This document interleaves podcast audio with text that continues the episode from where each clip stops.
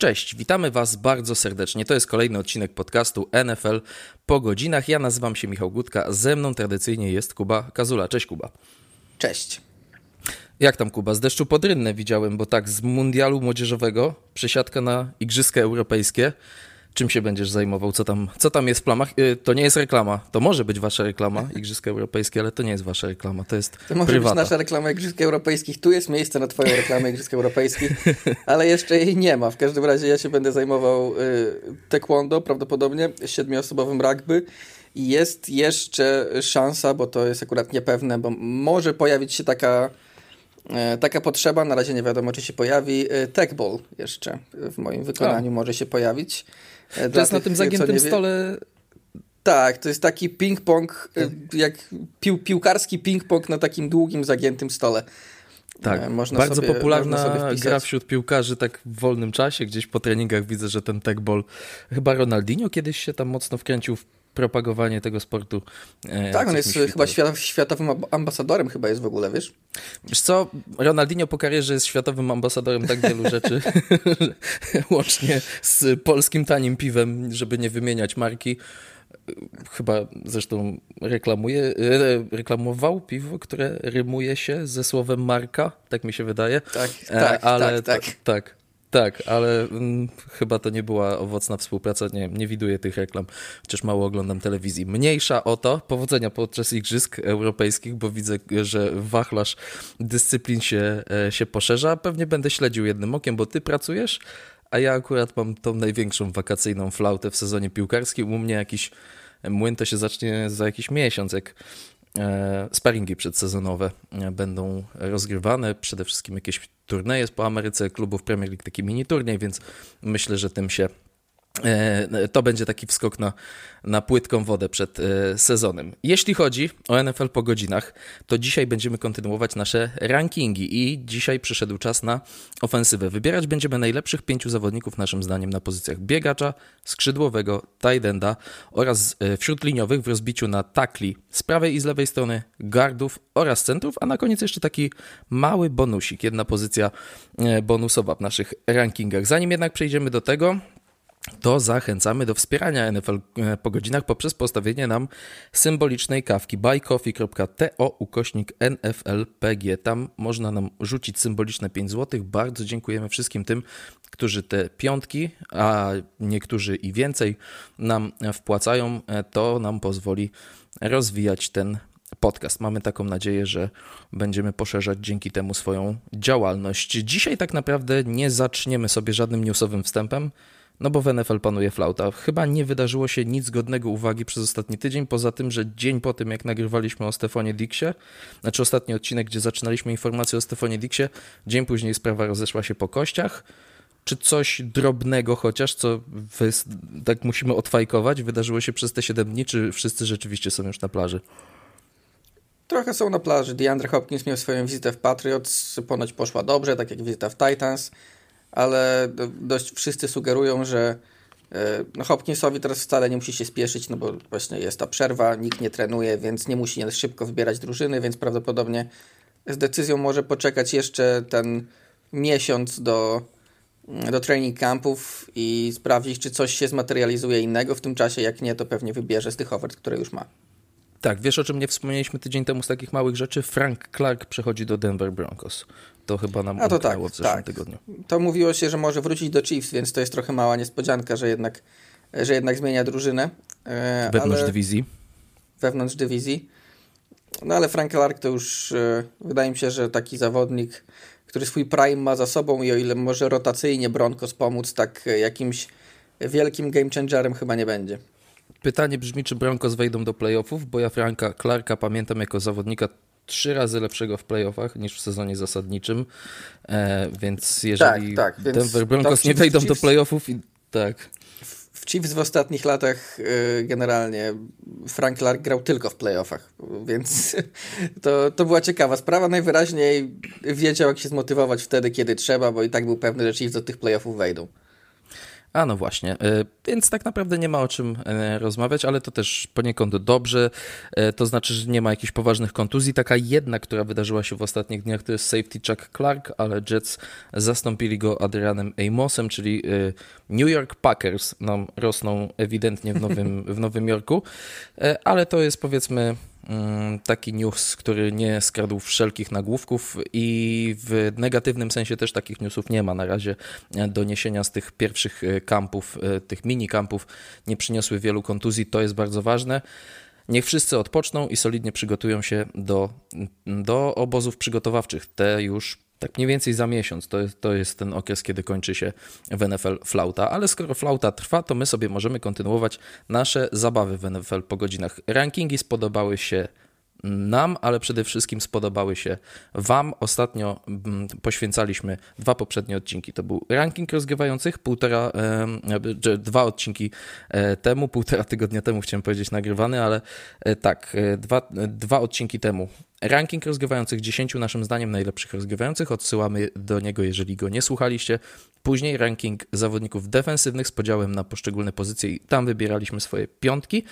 I to samo robimy dzisiaj w kontekście ataku. Mm, już mówiłem, jak to będziemy sobie rozkładać, jak podzieliliśmy pozycje. Jedna mała e, drobna uwaga.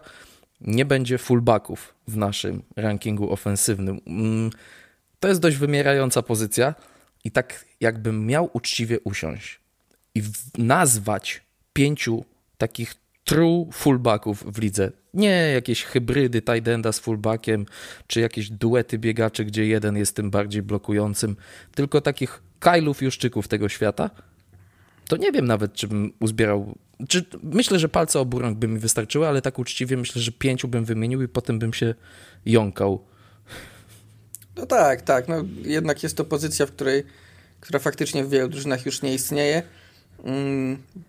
Mm, zaśmiałem się, pamiętam w tamtym roku, że pozycja fullbacka naprawdę musi e, przestawać istnieć, skoro nawet Bill Belichick nie zrezygnował, bo w tamtym roku y, Patriots y, oddali Jacoba, znaczy oddali. Jacob Johnson skończył mu się kontrakt i poszedł do Raiders, po czym powiedział, że y, że odszedł nie dlatego, że go Patriots nie chcieli, tylko dlatego, że mu powiedzieli, że po prostu jego pozycji już nie będzie w, w drużynie. I faktycznie tak jest. Od tamtej pory Patriots grają bez fullbacka. Jedyne, jedyne właśnie co robią w tym kierunku to John Smith często z pozycji fullbacka zaczynał akcję. Teraz być może Antony Firkser kimś takim będzie, Patriots też podpisali, ale już takiego czystego fullbacka, który po prostu toruje drogę w, tym, e, w tej grze siłowo-biegowej E, biegaczom i w zasadzie nawet nie bardzo łapie piłki, bo tak jak ci poprzedni właśnie fullbaccy typowi, to nawet za dużo nie łapali już w ostateczności, jak nikt inny nie był otwarty, a akurat się zdarzyło, że byli na boisku, e, to wtedy ta mhm. piłka do nich szła. Tak teraz no już takich za bardzo nie ma. Wszyscy ci najlepsi fullbacy, którzy pozostali, to są tacy, którzy piłkę łapać potrafią. Tak, chociaż w fullbackach y, pomiędzy naszymi drużynami jest 1 do 0 dla mojej, bo CJ Hem jeszcze ten sztandar niesie. Wydaje mi się, że wśród takiej czołówki ligowej jednak CJ Hema można by wymieniać takiej bardzo wąskiej czołówki fullbacków gdzieś właśnie tuż za plecami Kyla Juszczyka, ale CJ Hem...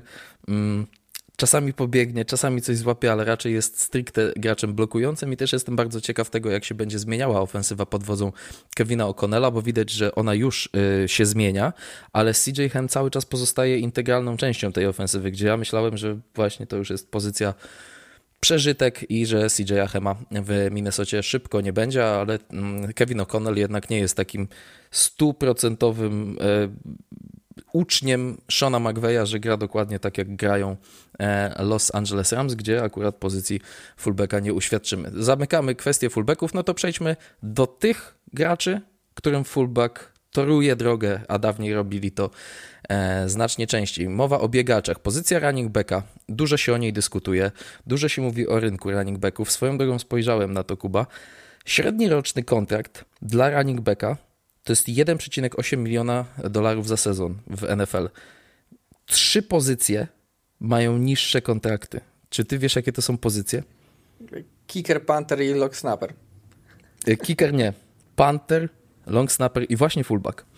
To są no jedyne no tak. pozycje z niższymi, z niższymi średnimi kontraktami od running backów. Ludzie, którzy 15-20 lat temu mieliby być może najlepsze zarobki w drużynie, teraz są gdzieś na dnie tej listy. Ale jak jest, jeśli chodzi o umiejętności? Jak wygląda Twoja czołowa piątka? Bo tak jeszcze wracając do wcześniejszego odcinka, wśród obrońców te nasze piątki były bardzo podobne. Jestem ciekaw, czy w ofensywie będziemy się troszeczkę bardziej różnić. Ale zacznijmy od running backów. Jak u Ciebie wygląda czołowa piątka? U mnie piątka wygląda tak, że na pierwszym miejscu jest Christian McCaffrey e, San Francisco 49ers, na drugim Nick Chubb, Cleveland Browns, na trzecim Saquon Barkley, New York Giants, na czwartym Derrick Henry, Tennessee Titans, i na piątym Josh Jacobs, y, Las Vegas Raiders w uznaniu tego bardzo dobrego sezonu, który miał e, dopiero co. Na wyróżnienie, w wyróżnieniu mam Jonathana Taylora i Jonesa, czyli zawodników równie mocnych, ale e, z różnymi sytuacjami rok temu, chociażby Taylor, który ze względu na kontuzję i sytuację w drużynie już nie był tak dobry, ale nadal umiejętności ma spore. No to widzę, że obracaliśmy się w bardzo podobnej e, grupie zawodników, bo moja piątka brzmi dość podobnie. Christian McCaffrey u mnie jest na pierwszym miejscu, u mnie Saquon Barkley na drugim, zaraz wyjaśnię, na trzecim Nick Chubb, na czwartym mam Ostina Ekelera i na piątym Derricka Henry'ego.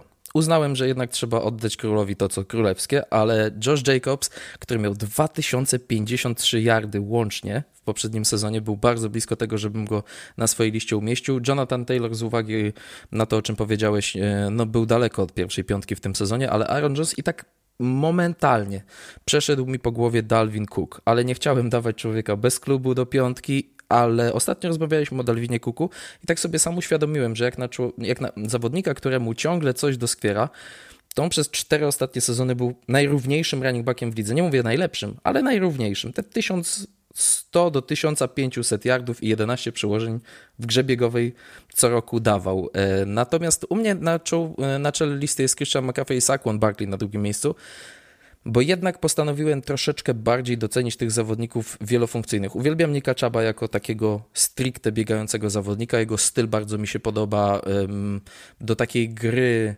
fizycznej, do takiej fizycznej gry biegowej, do drużyny opartej na akcjach biegowych, prędzej chyba wziąłbym nawet Nika Chaba niż Saquona Barclaya, ale też o Saquonie ostatnio mm, poruszyliśmy temat. To była jednoosobowa ofensywa New York Giants w poprzednim sezonie, dlatego nie potrafiłem przejść obok tego obojętnie. No i u mnie na liście jest Derrick Henry, bo choć spodziewam się, że za rok mogę go już tutaj nie mieć, to cały czas wydaje mi się, że to też jest e, zawodnik, wokół którego orbituje cała drużyna Tennessee Titans, więc szukałem takich running backów, tak sobie to jednak wartościowałem, e, według tego, ile oni wnoszą do drużyny, bo tyle mówimy o tym, ilu running backów, czy w ogóle jak ta pozycja się zdewaluowała, ale szukałem sobie w głowie, ilu running backów robi rzeczywistą różnicę i wydaje mi się, że taką listę pod tym kątem właśnie ułożyłem. Tak, tak, tak to, tak to poniekąd wygląda. Ja nie miałem w piątce Kellera, dlatego że e, trochę efektywność mu spadła przed rokiem, miałem takie wrażenie, minimalnie. No on był, on był liczbowo, sumarycznie bardzo dobry, bo on miał sumarycznie nałapane mnóstwo podań e, i tak. no bo to też była na to narzekaliśmy ofens- trochę. To była ofensywa właśnie Mike'a Lombardiego, czyli Justin Herbert rzucający screeny do Ekelera zamiast korzystać e, ze swojej ręki.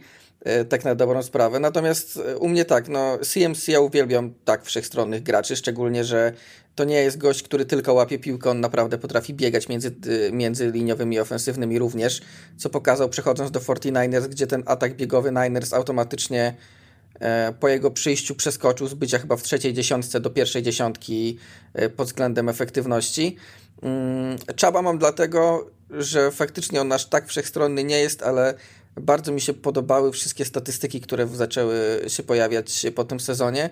Te statystyki efektywności danych biegaczy, które w teorii przynajmniej jakby oddzielają linię ofensywną od tych statystyk, czyli takie próba pokazania biegaczy w próżni, tego jak oni sobie radzą sami bez względu na to, czy mają przed sobą dobrą czy złą linię, linię ofensywną, różne EPA i tak dalej. No i tam Chap miałem wrażenie, że był na pierwszym miejscu w każdej z tych statystyk, a dodatkowo w niektórych odstawał od reszty dość wyraźnie. Więc... On ma najwyższą średnią yardów zyskanych po pierwszym kontakcie z rywalem. To jest właśnie coś, co pokazuje nam rolę samego running backa czyli y, znajdziesz tę lukę, dziurę, otwarcie, no ale co jeżeli na drodze wyrośnie ci przeciwnik? Dla Nika Czaba ten przeciwnik nie jest straszny, mówiąc krótko, a wielu running backów jednak jest um, tworzywem bardzo dobrego otoczenia e, i dlatego właśnie ta dyskusja e, się nasila o tym, że ta pozycja traci na znaczeniu, no i ta liczba, ta wysokość kontraktów przytoczona przeze mnie też, też o tym świadczy.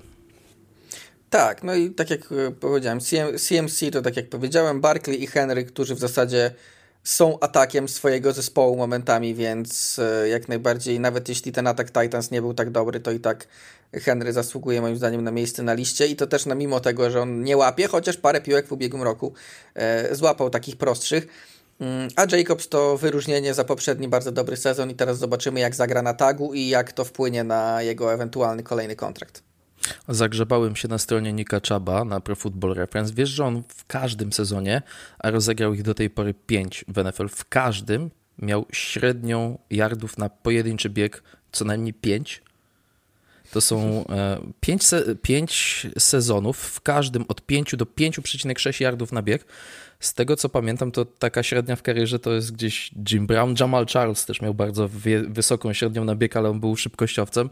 E, ale to ciekawe, bo myślę, że taki Nick Chubb w innej erze to byłby uznawany za jedną z gwiazd e, tej ligi. Patrzę na jego osiągnięcia. Cztery razy Pro Bowl w zeszłym sezonie, druga drużyna All Pro, ale to, co jeszcze rzuciło mi się w oczy, fumble, liczba strat, upuszczonych piłek przez Nika Czaba sezon po sezonie.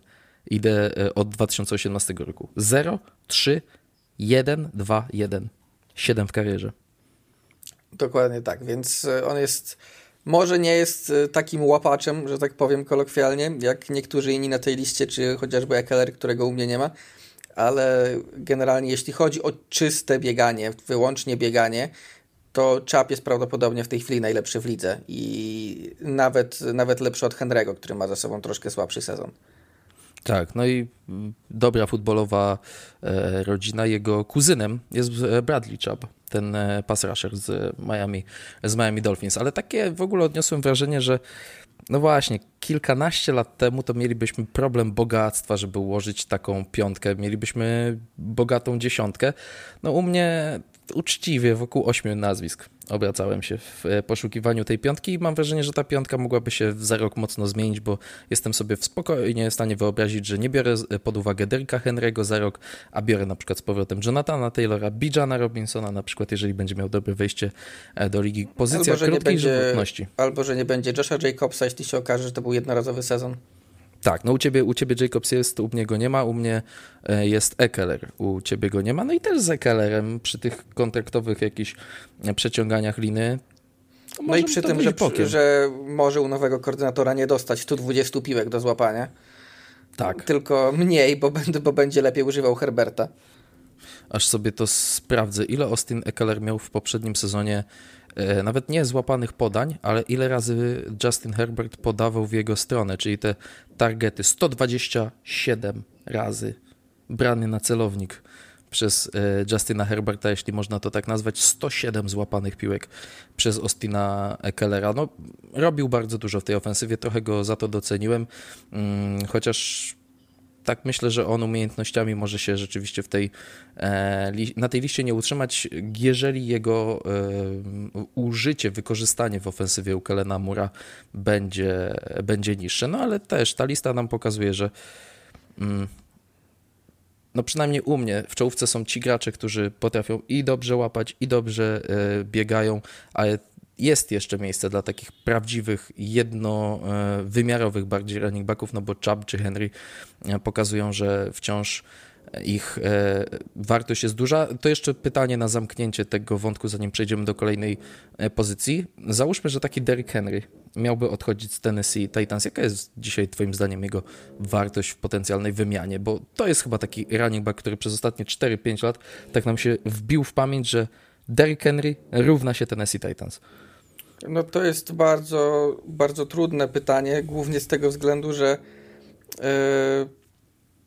no, że Derrick Henry jest już dość wiekowy, zaczął też pokazywać e, pierwsze oznaki jakichś delikatnych problemów zdrowotnych, yy, więc yy, nadal na pewno nie jedna drużyna takiego Derricka Henry'ego by u siebie chciała, natomiast ile by była w stanie mu zaoferować, żeby on pobiegał jeszcze no to jest w ogóle całkowicie, całkowicie inna sprawa. Titans i tak e, pamiętam w momencie podpisania tego kontraktu e, byli chwaleni, że jak na kontrakt dla running backa czołowego to i tak był całkiem przyzwoity deal, nie przesadzony jakiś bez przebicia tych jakichś 15 milionów, które miał teoretycznie Zeke Elliott i tak dalej.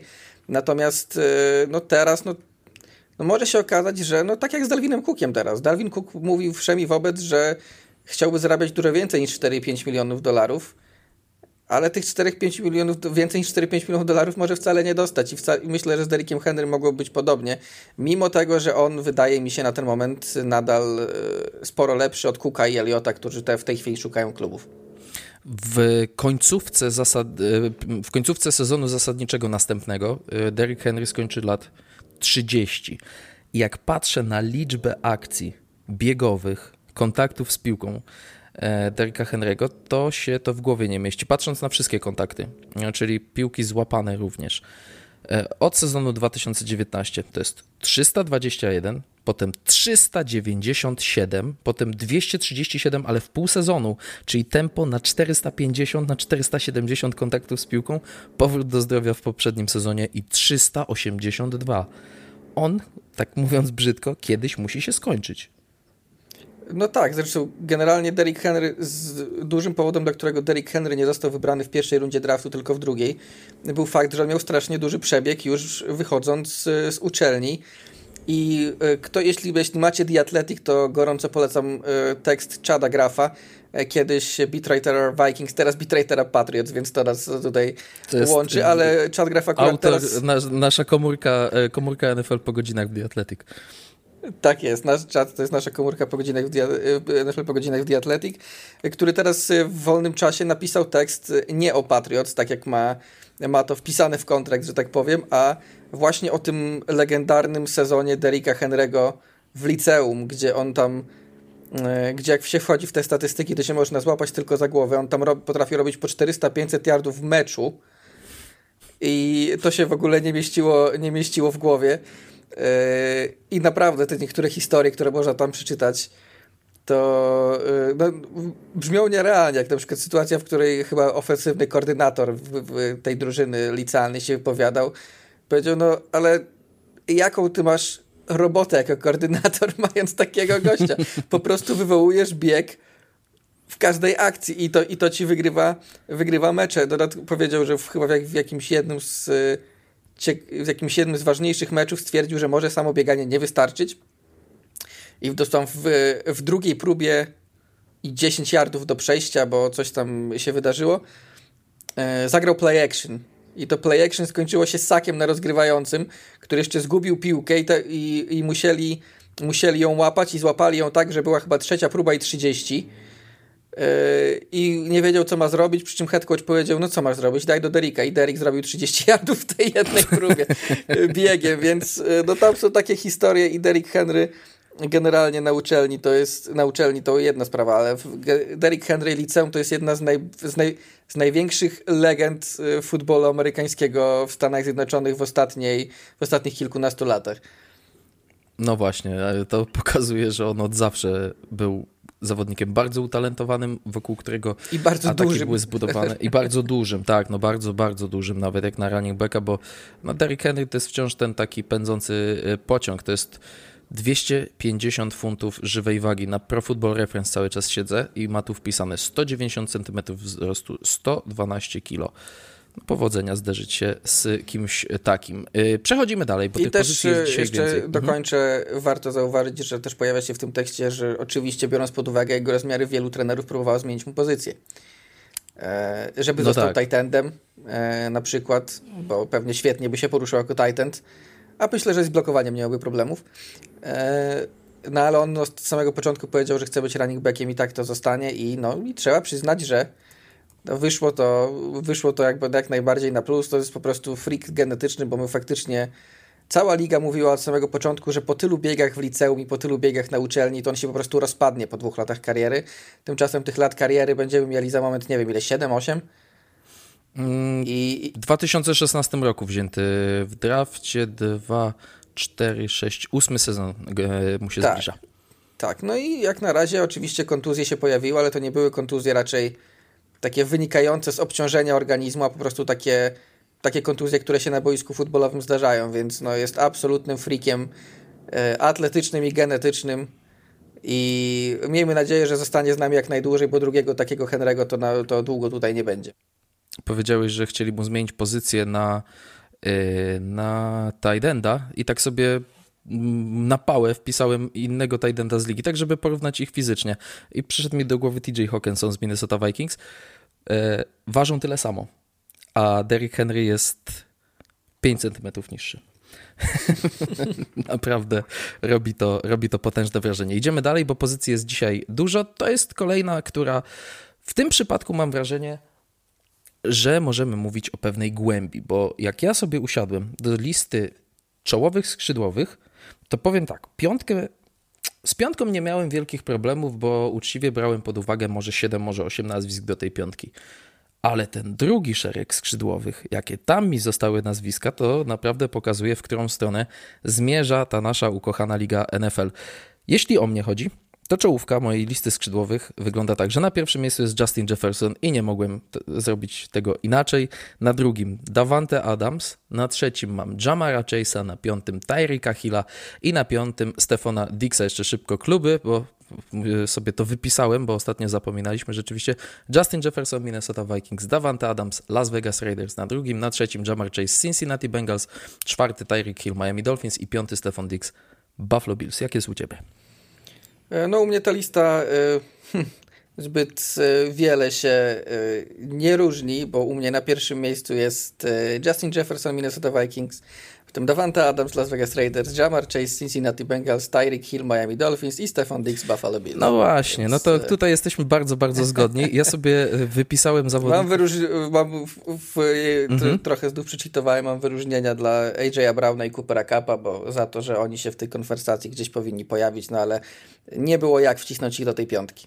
Tak, to u mnie AJ Brown z CD Lamp i Cooper Cup byli w takiej jeszcze na takiej shortliście zawodników, e, których mogłem wrzucić do tej piątki, ale jak sobie popatrzyłem na ten e, drugi szereg, jest Jalen Waddle, jest DK Metcalf, jest duet w Buccaneers, e, czyli Evans i Godwin, jest duet w Chargers, czyli Allen i Williams, jest Amari Cooper, no i taka trochę młoda gwardia zaczyna podnosić głowę. Garrett Wilson, spodziewamy się, że rozkwitnie w tym sezonie. Chris Olave pokazał dużo jako debiutant. Jest Amonra, St. Brown, e, po cichu bardzo solidny skrzydłowy Detroit Lions, ale no... no... byłoby, byłoby z czego dziesiątkę kleić na pewno. To jest taka pozycja, która w ostatnich latach zdecydowanie bardzo, bardzo e, zyskuje na znaczeniu. Kiedyś mówiło się, że te pozycje premium e, to offensive tackle, edge rusher i cornerback. E, teraz się, teraz się na równi albo czasem wyżej od nich stawia też skrzydłowych, więc w tej, w tej bardzo mocno podaniowej lidze na ta piątka, którą wymieniliśmy, to no to tutaj swoje robi. Myślę, że przy, prawie przy, nie wiem, czy przy którymś musimy w ogóle wyjaśniać, dlaczego w piątce się znalazł. Justin Jefferson to wyraźnie najlepszy skrzydłowy moim zdaniem biegłego sezonu. Davante Adams nie był aż, aż tak widoczny ze względu na to, że grał w słabszych Raiders. No ale jak się ogląda film z, filmy z meczów Raiders, to Adams tam momentami był całym atakiem tej drużyny. Razem z Jacobsem, a nawet jak Jacobsa momentami nie było, to, to Adams yy, i tak swoje robił. Wyglądał jak stary Adams po prostu w gorszej drużynie. O tak, można to, -hmm. można to ująć. Jamar Chase to jest w ogóle kolejny freak z tych młodych, e, który pewnie przez długie lata będzie nam tutaj e, robił ogromną robotę. Tyreek Hill to już nawet nie trzeba mówić, z, jakiego, z jakich powodów jest freakiem, a Stefan Dix to jest taki e, skrzydłowy, który wszystko robi dobrze i, i obok Adamsa i J. Jetta jest moim zdaniem najlepszym route runnerem w lidze, czyli najlepiej, najlepiej biega ścieżki, najłatwiej gubi obrońców i, i to widać.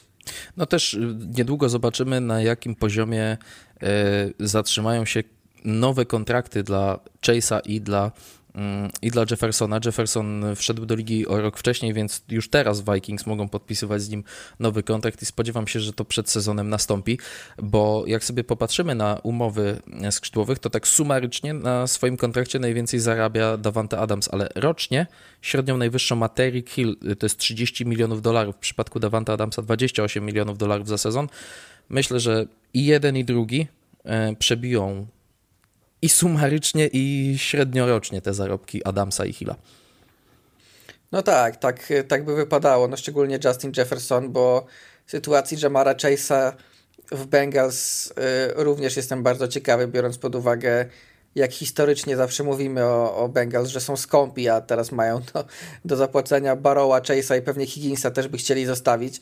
E, więc myślę, że w przypadku Jeffersona to zastanawiania się nie będzie. Jefferson po prostu szybko rekord pobije. Natomiast jestem ciekaw, jak będzie złożony ten kontrakt Chase'a, no bo no stawiam, że mimo tej bycia skąpym w wypadku Bengals, to, no to jednak y, no muszą dać gruby kontrakt Chase'owi. To był jeden z najgłupszych pomysłów E, e, z możliwych, gdyby jakkolwiek w ogóle dali choćby sygnał, że on może w tej drużynie nie zostać, bo no, takich zawodników w drafcie się często nie trafia, im się udało, mieli wybór w pierwszej dziesiątce, skorzystali z niego i mają ogromny talent, którego z rąk wypuścić nie mogą. Tak, patrzę jeszcze na listę tych najlepiej zarabiających skrzydłowych nazwiska, których nie wymieniliśmy. Debo Samuel z 49ers, Tyler Lockett, czyli drugi skrzydłowy Seahawks, Terry McLaurin e, z Waszyngtonu, DJ Moore z Chicago Bears, e, ich nowy nabytek.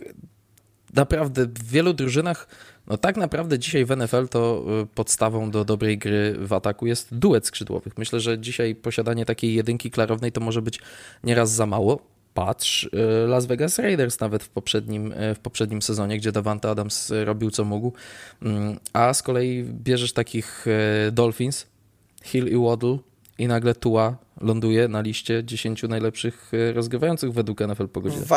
Vikings też mieli mecze, gdzie Justin Jefferson był troszkę zamknięty, albo obrona się na nim skupiła i tak, o ile tak, tak. E, był Adam Tillen, to jednak to nie był już ten Adam Tillen z najlepszych lat. Nie, dopiero jak TJ Hawkinson przyszedł w połowie sezonu, tak. to była druga opcja w grze podaniowej, a potem jeszcze teraz wzięty w drafcie e, Addison ma też sprawić, że w tym ataku no nie takie, wszystko nie będzie tak zogniskowane na Będzie na różnorodniej. Jeffersona.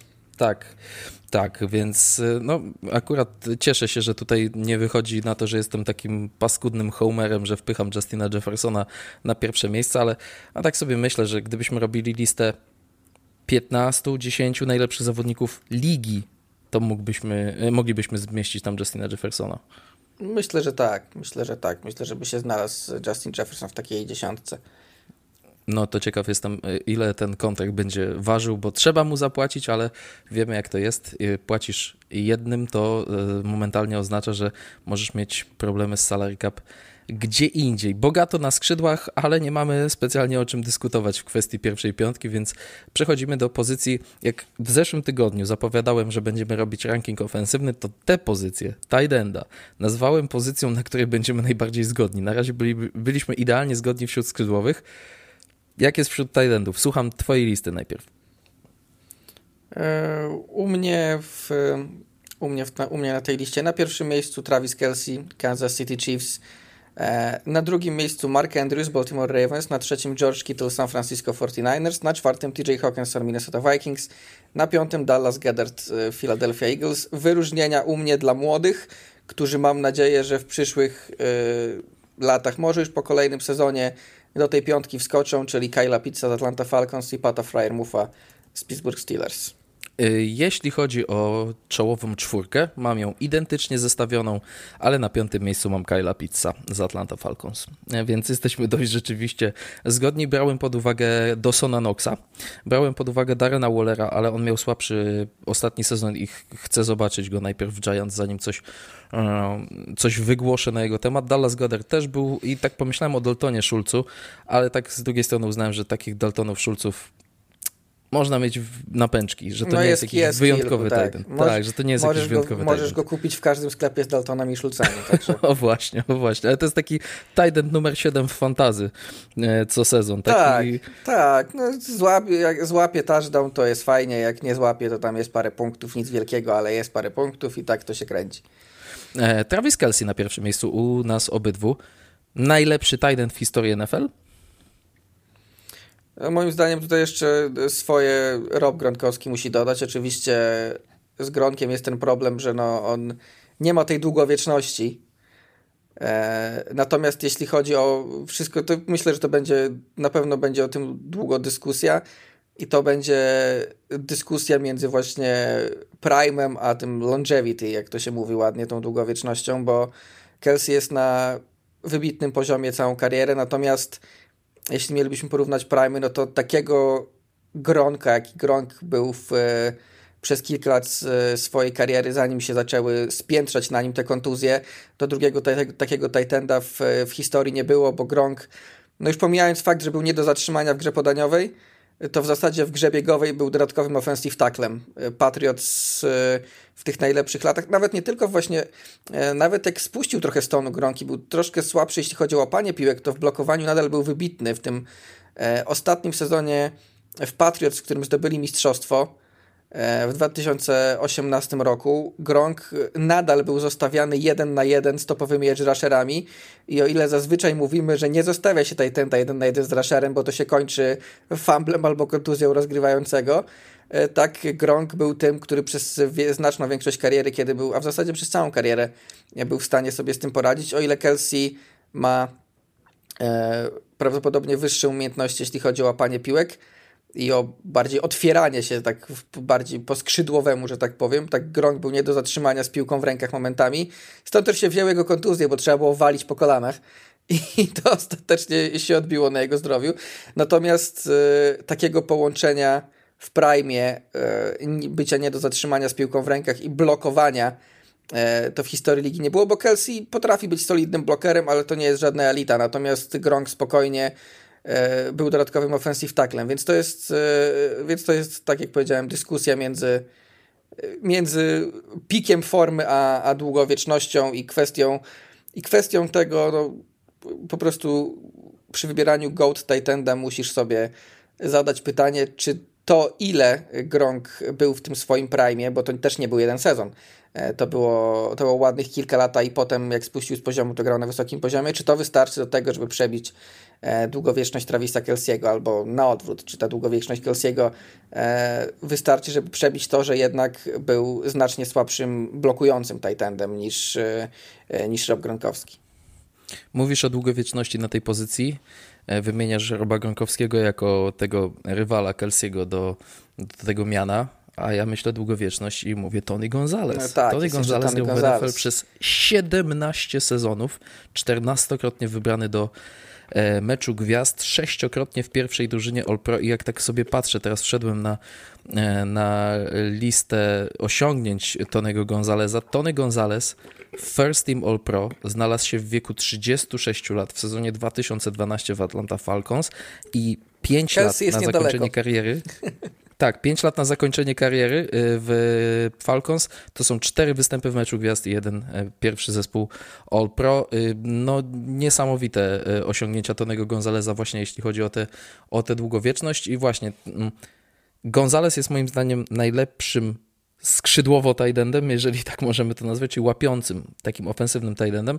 Gronkowski jest najlepszym tajdendem łączącym obydwie funkcje.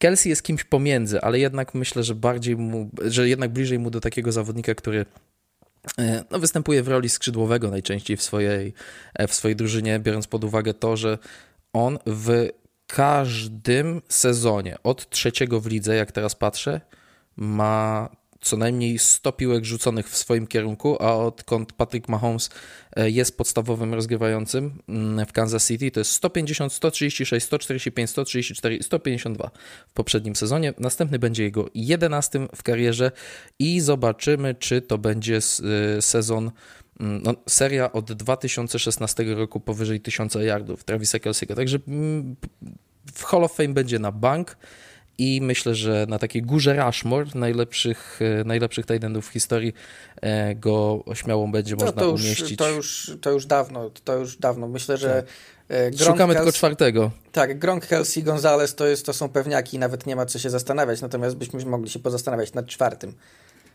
Winslow Senior albo może Mike Ditka, bo to jest taki pierwszy tight który dał początek wszystkim. On i John Mackey, takie czasy lata 60., 70., więc może jako ukłon do starych czasów któregoś, któregoś z tej dwójki, ale później mm, trójka bezdyskusyjna to już jest to już jest wiek XX i XXI, końcówka XX wieku i początek XXI. No właśnie, wśród tych Tidendów to nawet często się, będziemy pewnie jeszcze w lecie się odnosić jakoś do fantazy, bo też robimy to często w NFL po godzinach, ale to po fantazy widać wśród Tidendów, że jest taka czwórka elitarna i chcesz w tych draftach wybrać czy piątka, a później jak zostajesz z takim właśnie Daltonem Schulzem, to tak a, uczciwie 7,5 punktów da co tydzień, a jak mu wpadnie jakieś przyłożenie, to już w ogóle e, super, ale jest dysproporcja jednak w lidze pomiędzy elitą Tidendów a e, drugim szeregiem, dlatego tak jak mówiłem tydzień temu, spodziewałem się, że nasze listy będą do siebie, e, do siebie dość e, podobne. To jeszcze jedno tylko słówko. Czemu Andrews przed Kittlem? Wydawać by się mogło, że Kittle był na takiej fali wznoszącej, że Kelsey Kittle to taka dwójka, którą tak wymienialiśmy bez, bezrefleksyjnie jako najlepsza. Mam wrażenie, że trochę Kittle spuścił z tonu, trochę zdrowotnie może. I też, że w związku z tym 49ers e, trochę mniej go używali w grze podaniowej, bo mm, jeśli miałbym jeśli miałbym wskazać takiego Titana najbardziej podobnego do Gronka, czyli dokładającego jeszcze dobre, dobre bloki, to właśnie George Kittle, bo mam wrażenie czasem, że Kittle ma taki też charakter, że on woli zaliczyć dobrego bloka niż złapać piłkę, przynajmniej z tego jak się cieszy czasem, jak mu, jak mu wyjdzie tak. jakiś pancake albo, albo na, jak, jak, jakiś na make up, Na make up to łatwo, łatwo Tak, na make up że... to można, można, wyła można wyłapać. Natomiast mam wrażenie, że przez to też e, trochę ostatnio spuścił stonu w grze podaniowej i to zdrowie trochę mu w tym przeszkadza, dlatego spadł za Andrewsa, który moim zdaniem momentami był wyłączną bronią Lamara Jacksona i kogokolwiek, kto, e, kto grał na rozegraniu akurat w, w Ravens i czasem ciągnął ten atak jako, jako jedyna taka, jako jedyny poważny kandydat do łapania piłki, więc to takie wyróżnienie za to po tych ostatnich latach. Tak, w poprzednim sezonie George Kittle złapał aż 11 przyłożeń. To jest najwięcej w jego karierze, szczególnie, że wcześniejszy ten rekord jego to było 6 w jednym sezonie, także to się w jego przypadku podniosło, ale mniej yardów niż zwykle, bo tylko 765. W przypadku George'a Kittle mniej tylko w sezonie debiutanckim i w sezonie 2020, gdzie rozegrał tylko połowę możliwych spotkań, ale rzeczywiście właśnie od tego sezonu już 2019, kiedy był jedyny raz w karierze w pierwszej drużynie All-Pro, Kittle opuszczał e, kolejno e, dwa, trzy, dwa, przepraszam, 8, 3 i 2 mecze, więc tak delikatnie, delikatnie zaczyna e, zdrowie szwankować, no szczególnie ten sezon, gdzie połowa rozgrywek może była to przez jest, niego stracona. E, może to jest jakaś kwestia właśnie tych Titanów, którzy bardzo często są używani do blokowania, że to zdrowie jakoś szybciej zaczyna szwankować. Na pewno, na pewno, na pewno, bo właśnie George Kittle e, rzeczywiście w tym blokowaniu się bardzo Kyle'owi Shanahanowi przydaje. Przechodzimy do linii ofensywnej, którą podzieliliśmy sobie na pozycję left tackle i right tackle, bo uznaliśmy, że wrzucanie takli, czyli tych skrajnych blokujących do jednego worka nie byłoby do końca sprawiedliwe, bo jednak te pozycje mocno się różnią. Ale później y, gardów wrzuciliśmy do jednego worka, no nie rozbijaliśmy na prawych i lewych gardów, to już by była chyba sztuka dla sztuki,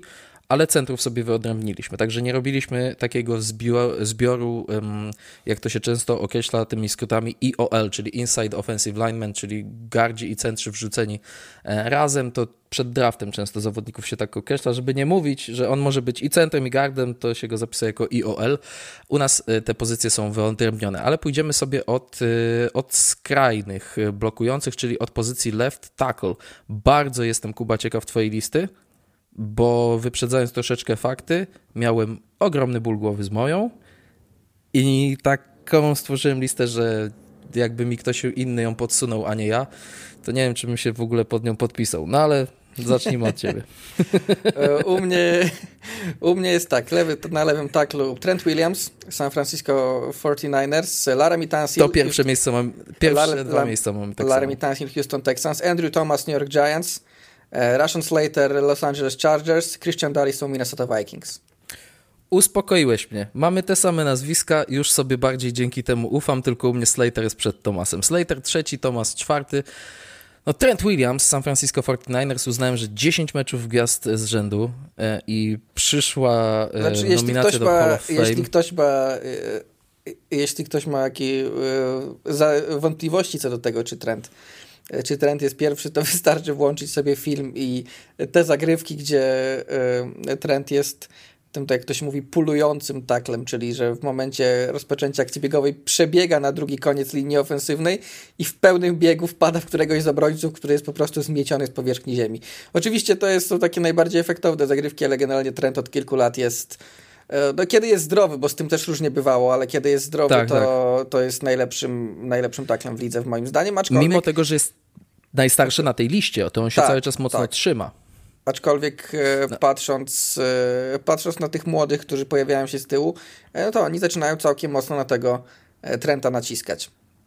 Mhm. Laramie Tansil na drugim miejscu, takie samo jak u ciebie. Nowa umowa, Filar Texans. Jedna z najważniejszych wiadomości dla Demico Ryansa jest taka, że może budować linię ofensywną w oparciu o tego e, gracza. To już nie jest zawodnik, którego pamiętamy tylko z filmików w masce gazowej podczas draftu, naprawdę. Ale to e, śmiechy śmiechami, ale trzeba grać znakomicie w karierze, żeby to wymazać. Bo to jest. Znaczy, on tego nigdy nie wymarze, ale dzisiaj myślisz Laramie Tansil, e, no i mówisz czołowy liniowy w lidze, a nie o, ten koleś, który o którym wyciekł filmik, jak się zaciąga w masce gazowej. Na trzecim miejscu miałem Rashona Slatera, bo jednak doceniam te jego umiejętności. On opuścił aż 14 meczów po zerwaniu bicepsa w poprzednim sezonie, ale nie chcę go za to tak mocno winić, Andrew Thomas e, gigantycznie się rozwinął, wyglądał jak członek All-Pro w poprzednim sezonie, więc jest na tej mojej liście, ale jednak za Slaterem. No i Christiana Darisoła z Minnesota Vikings wrzuciłem na pozycję piątą, bo bardzo mi się podobało to, jak ta linia właśnie na skrajach zaczęła lepiej wyglądać w poprzednim sezonie dzięki Darisołowi. 612 snapów e, w ochronie gry podaniowej Christiana Darisoła. Wiesz, ile presji dopuścił Darisoł z tych 612? Z 10? 20, 3, 23 presje. No nie, 10 no, nie, ale 23... 10 to było za mało, ale 20, 23 no to jest no, trochę ponad jedna presja na mecz. To jako left tackle to jest wybitny wynik, pozytywny oczywiście. Czy brałeś jeszcze kogoś pod uwagę? Bo u mnie ta lista jeszcze ma raz, dwa, trzy, cztery, pięć kolejnych nazwisk, które myślałem, że mogłyby się tutaj e, znaleźć. Ktoś u ciebie był blisko, wyjątkowo blisko tej piątki? Wiesz co, Właśnie niekoniecznie. W sensie, jak e, pierwszą czwórkę miałem pewną, e, potem, mhm. z, potem spojrzałem na Darisała i stwierdziłem, że zagrał tak ten poprzedni sezon, że na to piąte miejsce zasługuje. I tak jak przeleciałem po tych kolejnych nazwiskach, to jakoś e, żadne nie powiedziało no to, ża, żadne no nie momencik. powiedziało mi. Słucham? Jeszcze raz? Orlando, Orla, no to mówię, to możemy momen, momencik A. poświęcić na to, żeby po nich przejść. Orlando Brown nie? Nawet nie był w dyskusji? Nie, w sensie on jest naprawdę solidnym taklem, ale y, naprawdę momentami dobrym, bardzo dobrym, ale to nie jest takl, który, którego po ostatnich latach dałbym do, y, do pierwszej piątki. Żadne z tych nazwisk, który, które się pojawiały dalej, po prostu jakoś nie powiedziały mi, że muszę go do tej piątki wcisnąć. Po prostu byłem całkowicie zadowolony, znaczy zadowolony. Byłem pogodzony z tym, że spokojnie mogę ich zostawić poza. Y drugie nazwisko, o które chcie, chcecie zapytać, bo u mnie on był blisko znalezienia się na liście, Jordan Mailata. E, to jest ciekawe nazwisko, aczkolwiek moim zdaniem Mailata dużo zyskuje ze względu na to, kogo ma obok siebie e, w tej linii Eagles. Ta linia Eagles jest naprawdę świetna. Natomiast Mailata jest taki, takim po prostu też dobrym slash bardzo dobrym ogniwem, ale to nie jest elitarny left tackle, jeśli E, jeśli spojrzymy na, na niego tak w próżni. Bo spotkałem się z takimi określeniami, to za chwilę nam wyjdzie przy okazji prawych takli, ale spotkałem się z takimi opiniami, że te boki linii Eagles mają najlepsze właśnie z uwagi na Mailata z lewej i Lejna Johnsona z prawej strony. Jordan Mailata to jest ten pan, jeżeli o nim e, wcześniej słyszeliście, czy gdzieś się wam biło o uszy, to jest ten pan, którego Eagles kiedyś, kiedyś wzięli w siódmej rundzie draftu, on przyszedł z tego międzynarodowego programu nie wiedział, co to jest futbol amerykański, jest Australijczykiem, grał wcześniej w futbol australijski tak, w rugby. W momencie, tak. w momencie wydraftowania nie miał na swoim koncie żadnego meczu futbolowego zagranego. Tak, więc... 203 cm wzrostu, 165 kg wagi. Jest, są zdjęcia Jordana Mailaty grającego w futbol amerykański, na których zawsze współczuję temu, który się z nim na tym zdjęciu zderza, albo temu, który zwisa z Jordana Mailaty, już tak e, pogodzony ze swoim losem, że go Mailata staranował, ale to jest taki surowy produkt, świetnie przez Eagles i tak nawet przez moment pomyślałem, żeby go na tej liście e, na tej liście zmieścić, ale też wziąłem pod uwagę to, że dopiero poprzedni sezon to był ten sezon, w którym Mailata był starterem we wszystkich meczach. E, więc pomyślałem, że właśnie trochę też jest e, to otoczenie e, na niego wpływa. To jeszcze dwa nazwiska weteranów, którzy myślę, że dwa lata temu to mogliby nawet otwierać naszą listę albo być w pierwszej trójce. Ronnie Stanley i David Bakhtiari. Rozbiło się o zdrowie. Tak, tak, tutaj zdecydowanie. W przypadku Stanleya wierzę, że jest w stanie wrócić na co najmniej bliski poziom tego, co grał wcześniej.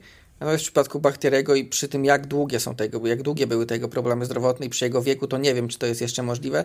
Aczkolwiek zobaczymy, bo jednak e, ofensywnie liniowi w ostatnich latach e, pokazywali nam, że potrafią być długowieczni, więc e, tak. zobaczymy, jak to, no. jak, to, jak to wyjdzie. Na ten moment no, zdrowie ich wyrzuca z tej piątki.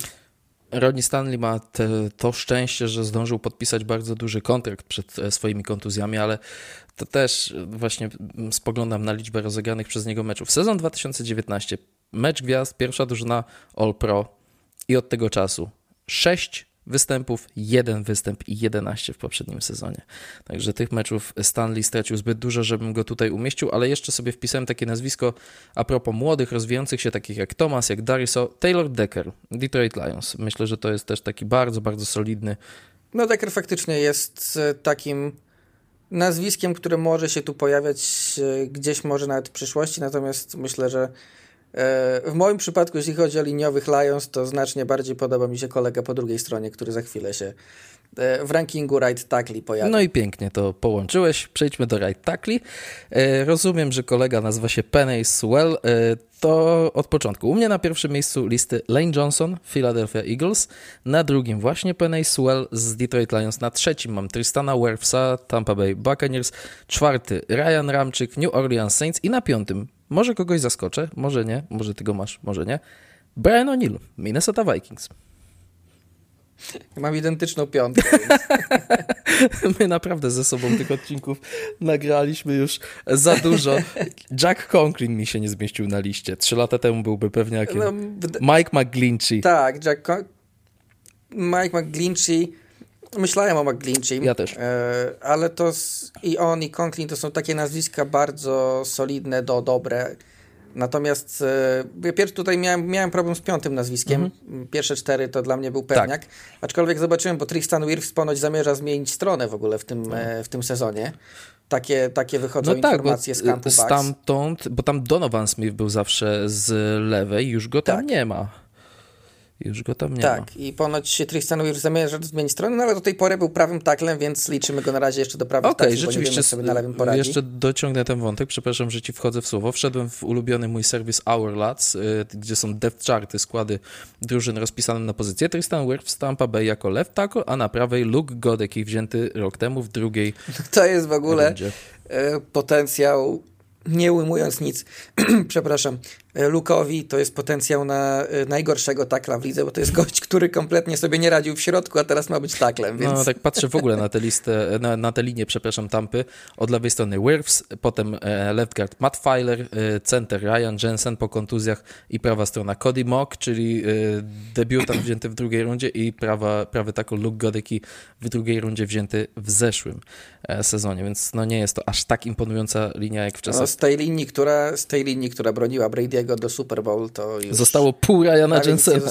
Pół Ryana Jensena i, yy, od, I, i odwrócony Wirfs.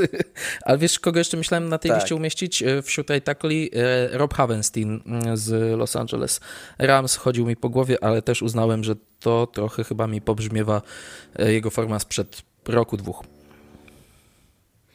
Tak, znaczy ja miałem problem z piątym miejscem. Johnson, Sewell, Wirfs, Ramczyk to byli dla mnie pewniaki, a potem patrzyłem, e, patrzyłem na innych i faktycznie kilku kandydatów było, natomiast O'Neill ma naprawdę świetny sezon za sobą, tak jak mówiłeś, te, o ile środek linii Vikings, Tragedia. ze środkiem linii Vikings bywało różnie, żeby nie powiedzieć bardzo źle, co pokazał Dexter Lawrence w playoffach, który tam się nimi zabawił tak jak jak tylko, to y, na zewnątrz i Dariso i O'Neill Nil zagrali naprawdę bardzo dobrze i nie spodziewałem się, tworząc te rankingi, że będę miał dwóch takli Vikings w piątkach, ale potem tak wyszło, że, y, że się w tych piątkach pojawili i wcale nie uważam, żeby za nimi były jakieś nazwiska, które mogłyby tak na 100% ich Nie, Brian O'Neill jest solidniakiem, bardzo, od, bardzo dobrym zawodnikiem, wybranym w drugiej rundzie w 2018 roku, dawnym tight endem, który na uczelni mało grał jako tackle, ale w Vikings jak linia była fatalna, to O'Neill był w niej najlepszy. Teraz linia jest średnio dobra i O'Neill jest dalej w niej najlepszy, albo być może drugi najlepszy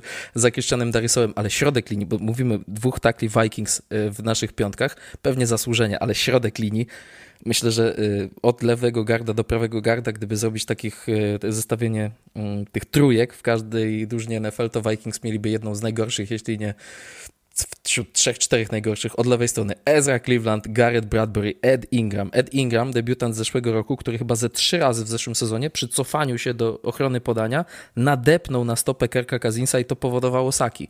Więc no, z czym do ludzi? Z czym do ludzi, mówiąc krótko. A Garrett Bradbury, jego... Mm, słabą formę, czy jego w ogóle słabość było widać w momencie, w którym wszedł jego zmiennik Austin Schlottman, o którym świat nigdy wcześniej nie słyszał i był lepszy. Więc wydaje mi się, że środek linii e, musi wziąć przykład z brzegów linii e, ofensywnej Minnesota Vikings, ale no, Brian O'Neill lepszy z roku na rok. Też popatrzyłem sobie, nie, wiem, że to nie jest wymierne, ale spojrzałem sobie na te oceny serwisu Pro Football Focus. Najwyższą ocenę w karierze miał za poprzedni sezon Brian O'Neill, czyli cały czas pokazuje, że się utrzymuje w wysokiej dyspozycji albo nawet jest e, z roku na rok lepszy. Dobra, to przejdźmy do gardów, skoro jesteśmy tacy zgodni.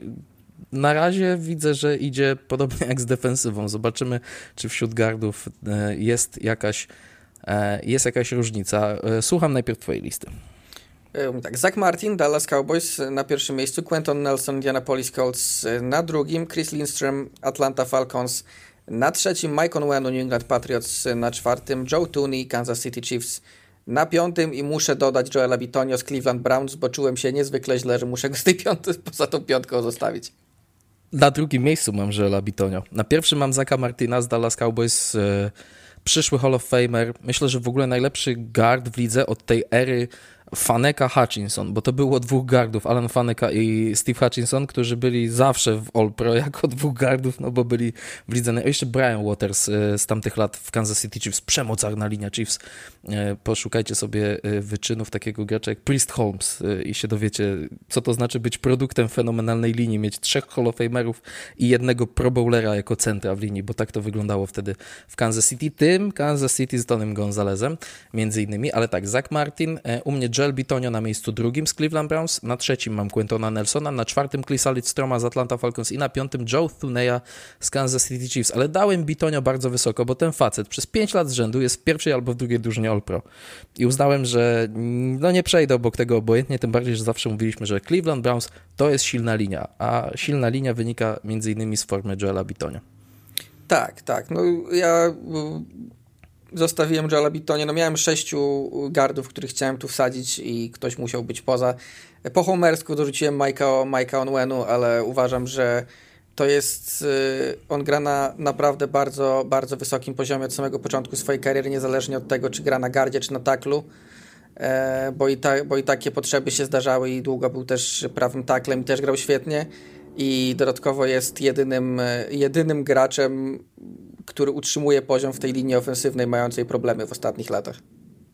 Mhm. Takim nowym nazwiskiem, myślę, e, jest tutaj Chris Lidstrom, bo do Zaka Martina się przyzwyczailiśmy. Joel Bitonio, no, uznawany za jednego z lepszych gardów w lidze przez ostatnie 5 lat. Quentin Nelson, jak wszedł do ligi, tak od razu wszyscy o nim usłyszeliśmy i wszyscy, mam wrażenie, znają dzisiaj Quentona Nelsona, tacy przeciętni fani NFL, którzy, dla których linia to taka trochę zagadka, to i tak wiedzą, kto to jest Quentin Nelson. Joe Tooney grał w mocnych Patriots, grał w mocnych Chiefs, więc to nie jest dla ludzi zagadka, ale Chris Lidstrom to nowa twarz na pewno w tych zestawieniach jest e, u ciebie i u mnie. Tak, bo to jest nowa twarz e, takich nowych Falcons, to dzięki niemu między innymi, albo w dużej mierze ta gra biegowa Falcons tak dobrze wyglądała, jak, jak sobie przypominamy, gdzie mogliśmy sobie pomyśleć, skąd w ogóle ci, ci Falcons potrafią tak, tak dobrze biegać. Lindstrom to był jeden z, powodu, z powodów. Dostał też przedłużenie kontraktu wysokie bardzo w, w tym off-seasonie, ale zasłużone. E, więc e, jesteś, jestem ciekawy, jak to dalej się potoczy. Wskoczył do tej czołówki gardów.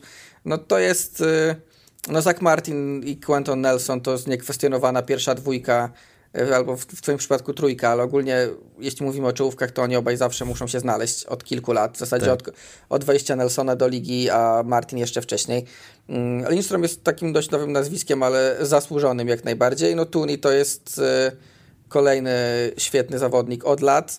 Tak samo Bitonio, no ja tylko dorzuciłem Onwenu od siebie za to, że, że trzyma poziom w tej, e, w tej marnej linii Patrycji. Naprawdę momentami potrafi zagrać na kilku różnych pozycjach e, na topowym poziomie w lidze. No powiem Ci tak, szóstkę mielibyśmy identyczną, bo Onwenu to był ten zawodnik, e, w przypadku którego miałem lekkie zawahanie, a Chris Lidstrom podpisał pięcioletni kontrakt na 102,5 miliona dolarów jako guard, więc naprawdę bardzo e, przyzwoity pieniądz, 27,5 e, miliona bonusu przy podpisie, 48 milionów gwarancji, więc jest ustawiony na kilka pokoleń Chris Lidstrom i wydaje się, że rzeczywiście ta ta linia ofensywna e, Atlanta Falcons to też ma być jeden z powodów, dla których ta drużyna będzie szła mocno w górę. Mm, no, w przypadku gardów, a jeszcze jest jedna sprawa, o, której, o którą chciałem Cię e, zapytać, no bo mówimy, że Zach Martin, przyszły Hall of Famer, przyszły Hall of Famer, ostatnio się przysłuchiwałem dyskusji. Wiesz, ilu gardów w ogóle jest w Hall of Fame? Kilku pewnie. 16. O, znaczy kilku na... Tak? Mi się wydawało, że to bardzo mało mimo wszystko. Jak na znaczy, tak długą tradycję? Wydawa, wydawa, jest z jednej strony taka, z drugiej wydawało mi się, zawsze miałem gdzieś w głowie, że gardzi to yy, no taka mocno no tak. niedoceniana, niedoceniana pozycja. To nie jest przypadek running backów, że kiedyś byli na topie, a teraz nie są. Gardzi zawsze byli tymi yy, młodszymi braćmi takli i yy, na nich się patrzyło w, w ostatniej kolejności. No w sumie tak, bo je, jakby tak poszukać takich nazwisk gardów, którzy... Mm, przebili się gdzieś tam przez e, taką zbiorową świadomość i, i, stali się takimi zawodnikami kojarzonymi sami z siebie. John Hanna, najlepszy tak. zawodnik Patriots przed erą Belicika i Krafta. E, no właśnie Steve Hutchinson kimś takim był w XXI wieku, a wcześniej e, Larry Allen. Larry Allen, tak. ulubiony zawodnik Johna Madena na pewno. Larry Allen, czyli legenda, legenda Dallas Cowboys i też nie wiem, czy do tej listy gardów się Bruce Matthews, kilkukrotnie już u nas w podcaście e, wymieniany, nie pojawia, czyli gracz, który obskoczył cztery pozycje w linii, na trzech był w Pro Bowl i na dwóch był w All Pro, więc taki gard, że, że i trochę wszystkiego, ale właśnie e, Will Shields e, czy Brian Waters to byli świetni gardzi takiej mocarnej linii Kansas City Chiefs z XXI wieku, a tak ogólnie w historii NFL, jak sobie myślę, Mm, no Gene Opshaw to był, to był guard i później był szefem Związku Zawodników, więc z tego względu jest takim kimś bardzo, bardzo znanym, ale faktycznie to jest taka pozycja, która często przychodzi bez echa, ale Zach Martin poszerzy e, No musi, musi być Hall of Fame, musi. to nawet nie ma, nie ma dwóch zdań tutaj. Swoją drogą, a propos gardów, Hall of Fame i tak dalej, to ostatnio był przykład taki zawodnik Jerry Evans. Jerry Evans, yy, świetny gracz New Orleans Saints, niesamowite osiągnięcia w karierze i jest gdzieś tam się przewija wśród y, list y, w kolejnych latach głosowania na Hall of Fame, ale on w ogóle nie cieszy się zainteresowaniem. A gdybyśmy wzięli, nie wiem, skrzydłowego, który podobnie jak on miał tam 4 czy 5 razy pierwszą drużynę All Pro, to taki skrzydłowy byłby w Hall of Fame. A taki guard już niekoniecznie. I tak jeszcze patrzę w y, pamięci z ostatnich lat, to Marshall Yanda to jest też taki zawodnik, tak. który może mieć papiery na, na Hall of Fame, ale Kiedyś nawet rozmawialiśmy, chyba w przypadku któregoś Q&A się pojawiła, pojawiła się kwestia linii i tam trochę czasu poświęciliśmy gardom. E, teraz też to zrobiliśmy, ale przechodzimy do kolejnej pozycji. No zobaczymy jak będzie tutaj. Center. Czy tu jesteśmy równie zgodni? Słucham najpierw ciebie. E, zaczynamy. Jason Kelsey, Philadelphia Eagles, e, Creed Humphrey, Kansas City Chiefs, Frank Ragnow, Detroit Lions, Corey Linsley, Los Angeles Chargers i David Andrews, e, New England Patriots w sumie na samym końcu. Znowu to samo, tylko że u mnie Kelsey jest za Humphreyem. E, jednak doceniam to niesamowite wejście do ligi Creeda Humphreya i to, że przed nim świetlane lata, a przed Jasonem Kelsey być może ostatni rok gry w życiu. Ale Frank Ragnow, kolejny przedstawiciel Detroit Lions wśród ofensywnych liniowych, nam się tutaj kłania. Mm, Corey Linsley, David Andrews zamykają piątkę, to tutaj specjalnie e, się znów nie różnimy, ale e, czemu u Ciebie Kelsey cały czas przed Kidem Humphreyem i czy Jason Kelsey to przyszły Hall of Famer? Powinien być. Powinien być i myślę, że y, będzie z tego względu, że z, różny, że z różnych powodów Kelsey trochę tej medialności złapał jak na środkowego liniowego. Chociażby ze względu na zagranie z bratem w Super Bowl y, i parę innych rzeczy. Y, natomiast y, no u mnie dlatego, że to jest taka po prostu długoletnia już y, instytucja w, w środku linii Eagles i trudno, y, trudno cokolwiek zarzucić temu, jak gra Kelsey Humphrey. Humphrey faktycznie jest świetny. I, no i myślę, że za rok to on będzie tutaj na pierwszym miejscu, bo Kelsey'ego może już nie być. E, natomiast je, co mnie zaskoczyło w tej liście, to to, że zmieściłem tu Davida Andrewsa i to jest akurat i o ile Onwenu był takim homerskim wyborem, e, tak tutaj nie nastawiałem się, że to zrobię. Ja zawsze myślę o Davidzie Andrewsie jako o takim zawodniku, o którym fani Patriots, w tym ja, myślą znacznie lepiej niż myśli liga, bo to jest taki E, lider na i poza boiskiem i widać, że dzięki niemu też zawodnicy dookoła niego grają lepiej i to mówiłem o tym kiedyś, że był taki przykład, kiedy go przez rok zabrakło. Natomiast ja zawsze, jak myślę, David Andrews, to mam w głowie, że to jest taki center na pograniczu top 10 może, jeśli chodzi o umiejętności. Natomiast spojrzałem na, popatrzyłem, robiłem research, popatrzyłem na tę listę centrów i tak i nie znalazłem żadnego, którego z czystym sumieniem był mogę... zdrowy Ryan Jensen, to zdrowy, może. Ryan Jen, zdrowy Ryan Jensen tak, natomiast y, Jensen zdrowy nie był i nie wiadomo w sumie nie wiadomo w sumie jaki będzie, bo też już jest dość wiekowy. Natomiast no, trochę bardzo nawet zdziwiło mnie, że nie znalazłem żadnego centra, którego z czystym sumieniem mogę ponad tego Andrewsa wsadzić, bo taki miałem plan, a ostatecznie wyszło na to, że daję drugiego zawodnika Patriots, czego się w sumie nie spodziewałem. Spodziewałem się, że jedynym zawodnikiem Patriots, którego dam w sumie w obu listach, bo w, w defensywnej nie miałem żadnego w pierwszych piątkach, to będzie właśnie po Homersku Onwenu e, w, w pierwszej piątce Chociaż nie nie pamiętam, czy Kyla Daggera też nie dałem po humersku, jeśli chodzi o safety, ale chyba tylko go wyróżniłem. Chyba tylko Wyróżniłeś go, nie, nie, nie był, tak. E, nie był więc w piątce. spodziewałem się, że, tylko, że dam tylko Onwenu do piątki, to i tak będzie trochę homerski wybór, bo będę musiał kogoś wyrzucić i stanęło na Joela Bitonie, natomiast okazało się, że no nie bardzo mam kogo dać ponad Davida Andrewsa, nawet mimo tego, że nie planowałem go do tej piątki wrzucać. To jest w ogóle pozycja mm, niereprezentowana w Hall of Fame. Jak patrzę na e, uczestników, czy członków, powinienem powiedzieć, Galerii Sław na pozycji centra w NFL, Dermonty Dawson, Jim Otto, Mike Webster, Dwight Stevenson, Jim Langer, Kevin Mawai, Mick Tinglehoff. Tyle. I jest tutaj taki Hall of Fame monitor, taki algorytm stworzony przez Pro Football Reference, e, który właśnie przeglądam na stronie, to spośród graczy aktywnych lub niedawno, którzy niedawno gdzieś zakończyli karierę, którzy w tym monitorze są wysoko z szansami na Hall of Fame, są Jeff Saturday, Marquis Pouncey, Alex Mack, Jason Kelsey i Tom Neyland, czyli wieloletnia legenda Denver Broncos z przełomu wieków. No i rzeczywiście bardzo, bardzo niewielu centrów jest na tym poziomie i rozpoznawalności i tych występów e, w Pro Bowl i All Pro, żeby ich e, wybierać do, do Hall of Fame, ale Jason Kelsey myślę, że e, Myślę, że ma na to szansę. Chociaż tak jak patrzę na tę listę, to jestem lekko zaskoczony, że Jeff Saturday w Hall of Fame nie jest.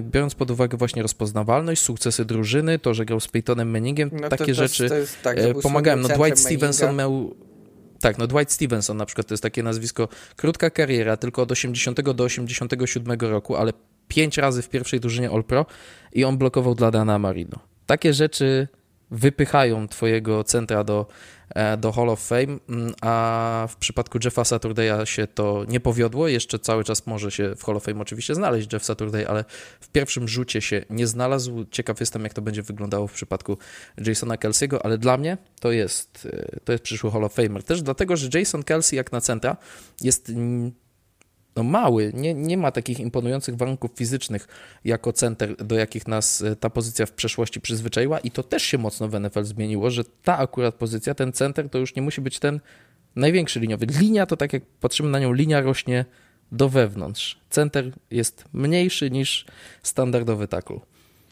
Tak, no to jest też e, ciekawe ogólnie patrzenie na centrów, bo tak jak e, wspominaliśmy, że Center to jest niezwykle ważna pozycja ze względu na kontakt z rozgrywającym i na tym, że najczęściej to on jest tym, który komunikuje protekcję do reszty linii, więc y, bez dobrego centra dobrej linii nie ma, mówiąc, mówiąc w skrócie. no a jednak mimo wszystko gdzieś tam, tak jak i Gardzi są dewaluowani ci centrzy, bo, bo nie rzucają się aż tak w oczy, bo nawet powiedziałbym w pass protection często, jeśli chodzi o te bloki przy podaniach, mm, to, to opierają się one oczywiście przede wszystkim na taklach. E, ze środka najczęściej na gardach, rzadko się chyba, albo nie aż tak często się zdarza, żeby center grał na przykład z kimkolwiek jeden na jeden.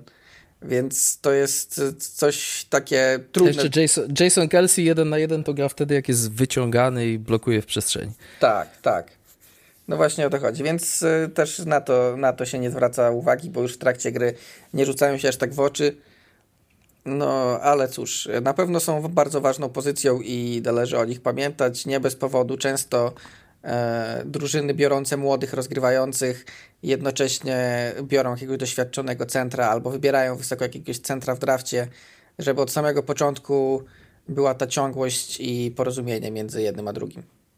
A to też jest ciekawe a propos tej listy centrów w Hall of Fame E, jak pewne drużyny załatwiły sobie ciągłość, bo Jim Langer jest w Hall of Fame, grał w latach 70., e, skończył w 80 roku w Dolphins i zastąpił go Dwight Stevenson, obaj są w Hall of Fame, a w przypadku Pittsburgh Steelers najpierw Mike Webster, pięć razy pierwsza drużyna All-Pro i dziewięć razy Pro Bowl i zastępuje go, e, zastępuje go Dermonty Dawson, który później przez 13 lat robi sześć razy pierwszą drużynę All-Pro i siedem razy Pro Bowl, a jeszcze co do e, Jasona Kelsey, ma pięć razy pierwszą drużynę All-Pro, sześć razy wybór do meczu gwiazd. To jest dokładnie takie osiągnięcie jak Mick Tinglehoff, czyli legenda Vikings, właśnie też jeden z centrów e, w Hall of Fame i bardzo zbliżone e, osiągnięcia, bo sumarycznie jest ich 11, to jest tyle samo co Kevin Mawai, czyli ten tak w cudzysłowie najnowszy center w Hall of Fame, bo Kevin Mawai zakończył karierę w 2009 roku i już jest w tym e, gronie, a większość z tych zawodników, no Dermonty Dawson skończył w 2000, a wcześniej to jednak e, gracze kończący karierę w latach 70. lub 80., także Jason Kelsey może po dość długiej przerwie być kolejnym nowym centrem w Hall of Fame. Myślę, że jeśli chodzi o centrów, to tutaj też nie ma się specjalnie nad czym rozwodzić, bo byliśmy bardzo zgodni. Zaznaczmy, Frank Ragnall kolejny kolejny reprezentant Detroit Lions. To dlatego o Lions mówimy, że tam od linii ofensywnej bardzo dużo zależy. Dołożyliśmy sobie jeszcze jedną pozycję z Kubą, bo uznaliśmy, że e, ofensywa ofensywą, obronę też zrobiliśmy, no ale przecież kopacze też są ludźmi. Musimy się ukłonić w stronę kopaczy. Poza tym, macie kopaczy w fantazy, może komuś taka lista pięciu najlepszych kopaczy w jakiś e, sposób pomoże, ale do tych kopaczy mam jeszcze takie pytanie wspomagające e, niespodziankę dla Kuby, ale to na koniec. Kuba o tym wcześniej nie wiedział. Najpierw, e, Kuba, jestem ciekaw Twojej listy. Jak wygląda lista pięciu najlepszych kopaczy na podsumowanie tych naszych rankingowych zabaw w NFL po godzinach? No to tak, e, Justin Tucker, Baltimore Ravens, myślę, że tutaj nie ma zbyt wielkich wątpliwości. Daniel Carson, Las Vegas Raiders, za ubiegły sezon bardzo dobry. E, mogę tutaj jeszcze dać Jasona Myersa z Seattle Seahawks. E, Young Heku z Atlanta Falcons. On też swoje tutaj dołożył w ubiegłym sezonie. Natomiast na piątym miejscu mam kopacza, którego normalnie pewnie bym nie dał, ze względu na to, że ma raptem e, jest, jest najskuteczniejszym kopaczem w lidze, patrząc na procenty field goali, ale ma raptem dwa kopnięcia powyżej 50 yardów, czyli Eddie Pineiro ale mhm. dodałem go właśnie za to, że ja lubię. Lubię kopaczy, którzy nawet jeśli nie mają mocnej nogi, żeby kopać powyżej 50 yardów, to są bardzo skuteczni poniżej tego 50 yarda i są takimi pewniakami, żeby drużyna nie musiała się o to martwić. No jeśli chodzi o moją listę, na pierwszym miejscu Justin Tucker, Baltimore Ravens, na drugim Harrison Butker, Kansas City Chiefs, na trzecim Daniel Carlson, Las Vegas Raiders, na czwartym Young Wei Ku z Atlanta Falcons, a na piątym uznałem, że biedni muszą być reprezentowani. Kaimi Fairbairn, Houston Texans. Naprawdę nieironicznie jeden z najlepszych zawodników Texans ostatnich lat, jeśli nie najlepsza, przynajmniej najrówniejszy na bardzo wysokim poziomie. Kaimi Fairbairn porządnym kopaczem jest, ale nie mogło być inaczej. Justin Tucker to jest mm, zdaniem chyba Billa Belicika najlepszy kopacz w historii NFL. I im dłużej o tym myślę, tym prędzej się z tą e, tezą zgodzę. I to jest to pytanie, E, zagadka niespodzianka, o której wcześniej Kuba e, nie wiedział, bo ostatnio się przysłuchiwałem znowu w kontekście running backów. Toczyła się dyskusja o ich wartości, bezwartościowości, wymienialności itd., tak itd. Tak Ilu running backów w lidze Kuba wziąłbyś ponad Justinem Tuckerem? Hmm. Bo słuchałem tej dyskusji i uczestniczyło w, dwóch ludzi. To byli, e, oglądam regularnie program Richa Eisena. Rich Eisen jest teraz na wakacjach, prowadzi jakiś tam zawsze zastępca, ale on ma zawsze takich swoich e, sidekicków, nazwijmy to, takich e, ludzi, którzy siedzą w nim w studiu i podłączają się do dyskusji i ci dwaj ludzie pod nieobecność prowadzącego trochę bardziej harcują i oni sobie zadali to pytanie.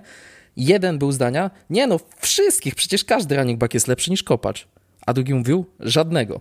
Więc dwie radykalne, skrajne opcje. Jak ty się na taką kwestię zapatrujesz? Ilu running backów wolałbyś, mówimy o budowie drużyny mistrzowskiej na jeden konkretny sezon? Może co... Oczywiście wszystko zależy od tego, kto byłby wtedy na drugiej pozycji, ale wydaje mi się, że kilku tych może, których wymieniliśmy w naszej piątce dzisiaj, plus może jeden, dwóch jeszcze. E, ponad Justina Czyli tak Tuckera. gdzieś na palcach dwóch rąk byś liczył tych running backów. No, maksymalnie. No bo ja tak się zastanawiałem i tak według mnie jednak bym wziął trzech z czołówki swojej listy. Barclaya, McAfee'a i Chuba. I nie wiem, wolałbym mieć Justina Tuckera niż e, hmm, Derrick Henry w prime to co innego, ale nie wiem, nawet niż Austin Eckler, nawet niż e, kogo ja tam miałem jeszcze wymienianego w dalszym e, gronie, którzy się na mojej liście nie znaleźli. Josh Jacobs, Jonathan Taylor, Aaron Jones, Dalvin Cook. Ja wolę Justina Tuckera. No ja nie, ja bym wziął tak pewnie 6-7 running backów powyżej. E, powyżej Justina tak, Tuckera tak, bo... i no, no ale na pewno taki pewniak jakim jest Tucker, no to to jest po prostu pewność na pozycji. To jest tak, jak e, kiedyś była też dyskusja, e, czy gdybyś, e, czy wolałbyś, nie wiem, e, jak to, jak to było, próbuję sobie przypomnieć, jak to było sformułowane. Czy wolałbyś najlepszego rozgrywającego w lidze, czy kopacza, który trafia 100% kąpnięć z każdego miejsca na boisku jak trafię z 90 yardów, to trochę zmienia optykę. No ale masz, trzy, masz trzy punkty w każdym posiadaniu, jakby nie patrzeć. No właśnie, robisz tylko touchback i kopiesz. 85-yardowe e, field gole wpadają co akcję. Nie, no wziąłbym najlepszego rozgrywającego, ale ostatnio a propos, też e, na profilu NFL na Instagramie było, e, była dyskusja. Hasło było, no ostatnia zagrywka meczu. Kogo wybierasz? I tak, to jest Patrick Mahomes przy czwartej próbie i 30 yardach do przejścia. Aaron Rodgers rzucający Hail Mary, Justin Jefferson łapiący przyłożenie równo z końcem meczu, czy Justin Tucker podchodzący do 65 yardówki. Kogo wybierasz? I ja wybrałbym Justina Tuckera, no bo ja też, też akurat też bym wybrał Justina Tuckera. No bo to jest specyfika chyba samego zagrania. E, jednak, nie wiem, Hail Mary rzucić, czy skonwertować czwartą próbę i 30 do przejścia jest trudniej niż trafić z 65 yardów akurat Justinowi e, Tuckerowi, więc e, no tak, że no gdyby, to akurat... był jaki, gdyby to był jakikolwiek inny kopacz, to raczej byśmy tego nie wzięli, tak?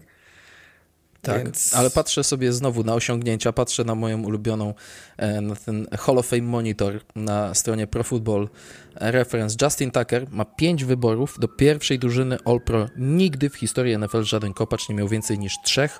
Ci, co mają po trzy, to Morten Andersen, czyli uczestnik, czy członek Galerii Sław i Adam Vinatieri, który skończył karierę w roku 2019, a więc lada moment będziemy poddawać go pod głosowanie w Hall of Fame i to będzie bardzo ciekawe e, studium przypadku, tak sobie to nazwijmy. A jeśli chodzi o wybory do meczu gwiazd, Justin Tucker ma 6, Morten Andersen miał 7, tylko że Morten Andersen grał, przypomnijmy, od roku 1982 do 2007 w NFL, więc trochę łatwiej mu było nabić 7 E, Pro Bowli. E, Tucker grał od 2012, więc on ma 6 w 10 lat.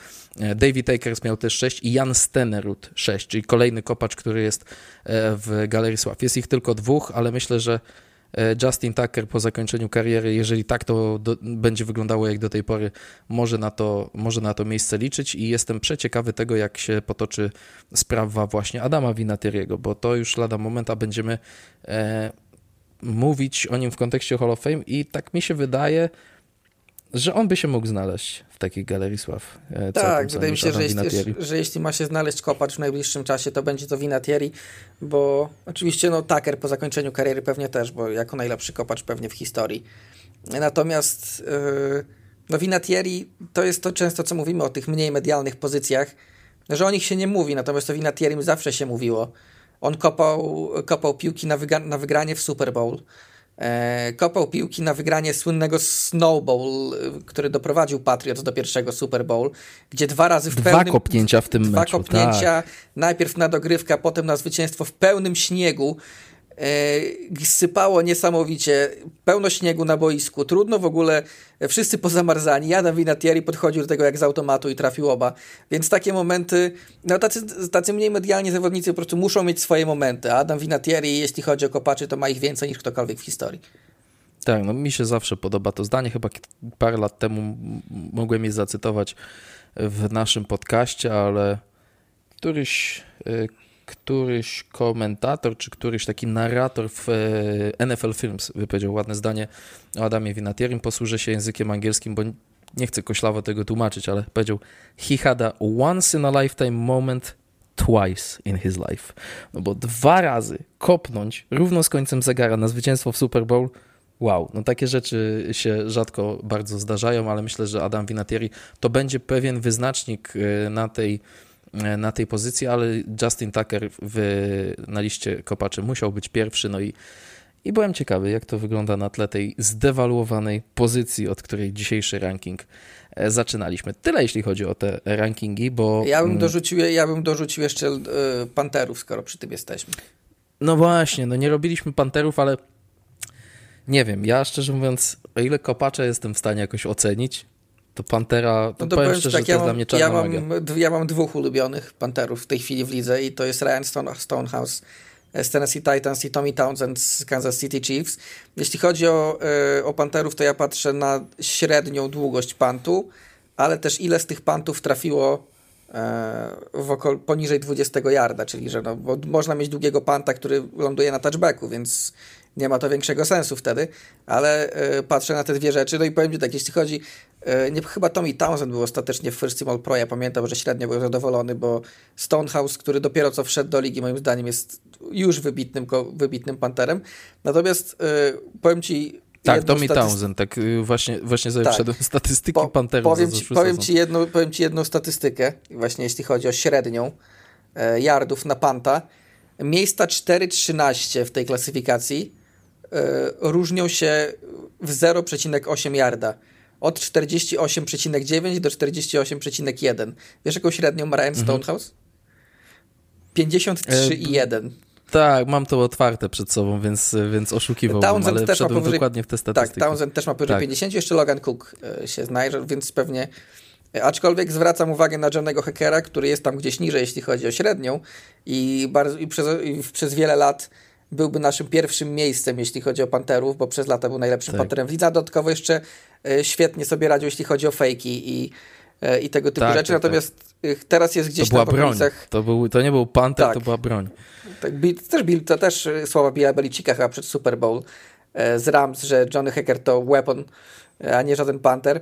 No i on, jeśli chodzi o średnią, jest na dziewiątym miejscu, ale jednocześnie ma największą liczbę pantów kopniętą poniżej 20 yarda, które wylądowały między 20 yardem a polem punktowym, masz 39 w ubiegłym sezonie.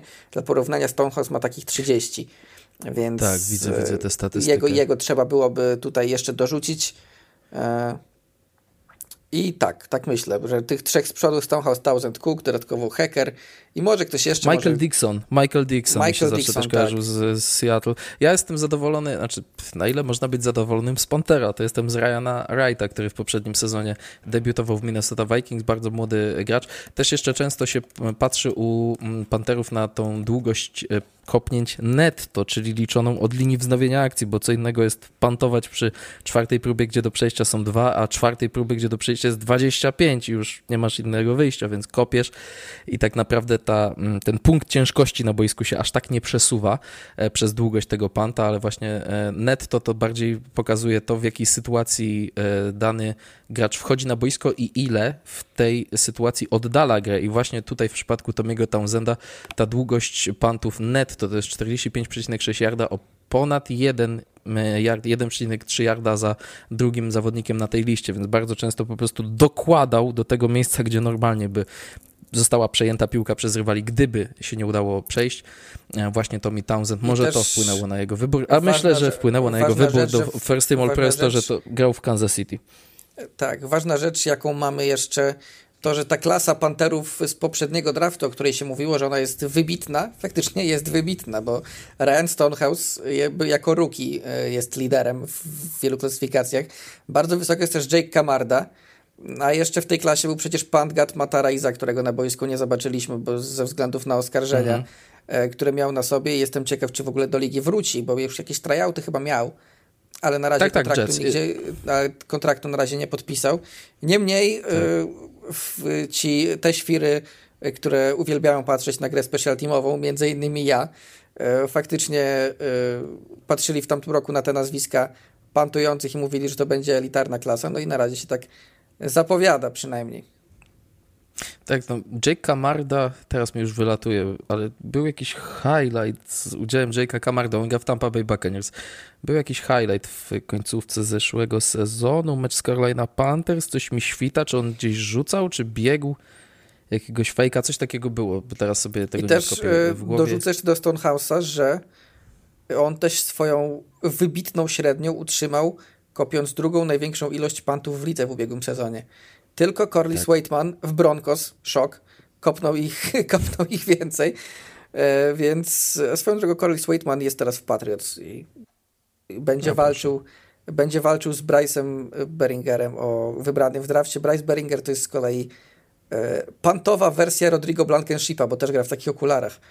Więc to jest kolejna, kolejna ciekawostka. W każdym razie no, long snapperów może już nie będziemy y, zestawiać, bo szczerze przyznam, że tutaj nie mam absolutnie żadnego pojęcia, jak oceniać long snappera. Jeśli, no piłka, nie, do, jeśli, jeśli long... piłka dolatuje do holdera i holder nie ma z nią problemów, znakomity snap, a że, a że większość long snapperów w lidze to robi, to jak ocenić, który jest lepszy? Znaczy, gdybyśmy robili listę long snapperów, to Andrew DePaula z Minnesota Vikings był w zeszłym sezonie w pierwszej drużynie All Pro jako long snapper, więc nie miałbym innego wyboru, no musiałbym to... kolejnego wikinga no tak, umieścić. No, no, właśnie o to chodzi, ale z drugiej strony no, jak oni do tego doszli? Jak oni do tego doszli? I takim właśnie kącikiem panterów, longsnapperów, kopaczy kończymy nasze rankingowe zabawy. Jeżeli wam się ten podcast podobał, jeżeli lubicie posłuchać i dotrwaliście do tego momentu, to widocznie lubicie, ale jeżeli e, lubicie słuchać o kopaczach, panterach, longsnapperach, dzielić linię ofensywną i, je, e, i te pozycje szeregować, to wpłaccie nam na kawkę NFL e, buycoffee.to ukośnik NFL PG. My również zapraszamy do polubienia nas na Facebooku NFL po godzinach i do słuchania we wszelkich serwisach streamingowych. E, bardzo dziękujemy. E, no i co, trzeba jakoś sobie iść, Kuba, poradzić z tymi upałami, bo tak zdradzając kuchnię, kiedy nagrywamy, to ja muszę pozamykać balkon i okna, a że, żeby tutaj nie rezonowało, a że nagranie ponad godzinę 20 już ma, no to możecie sobie wyobrazić, w jakiej parówie siedzę w, ze słońcem ładującym prosto przez balkon. Także ja y, idę po kawkę, ale mrożoną, tą postawioną przez naszych słuchaczy, za co bardzo serdecznie dziękujemy i w NFL po godzinach to już koniec. Zobaczymy, jakie będą nasze dalsze plany, ale będziemy Was o nich informować. No i w sezonie ogórkowym też sobie będziemy różne pomysły na NFL po godzinach wymyślać. Ze mną był Kuba Kazula, bardzo dziękuję. Dziękuję bardzo. Ja nazywam się Michał Gutka. Do usłyszenia. Życzymy Wam miłych i udanych wakacji. Cześć.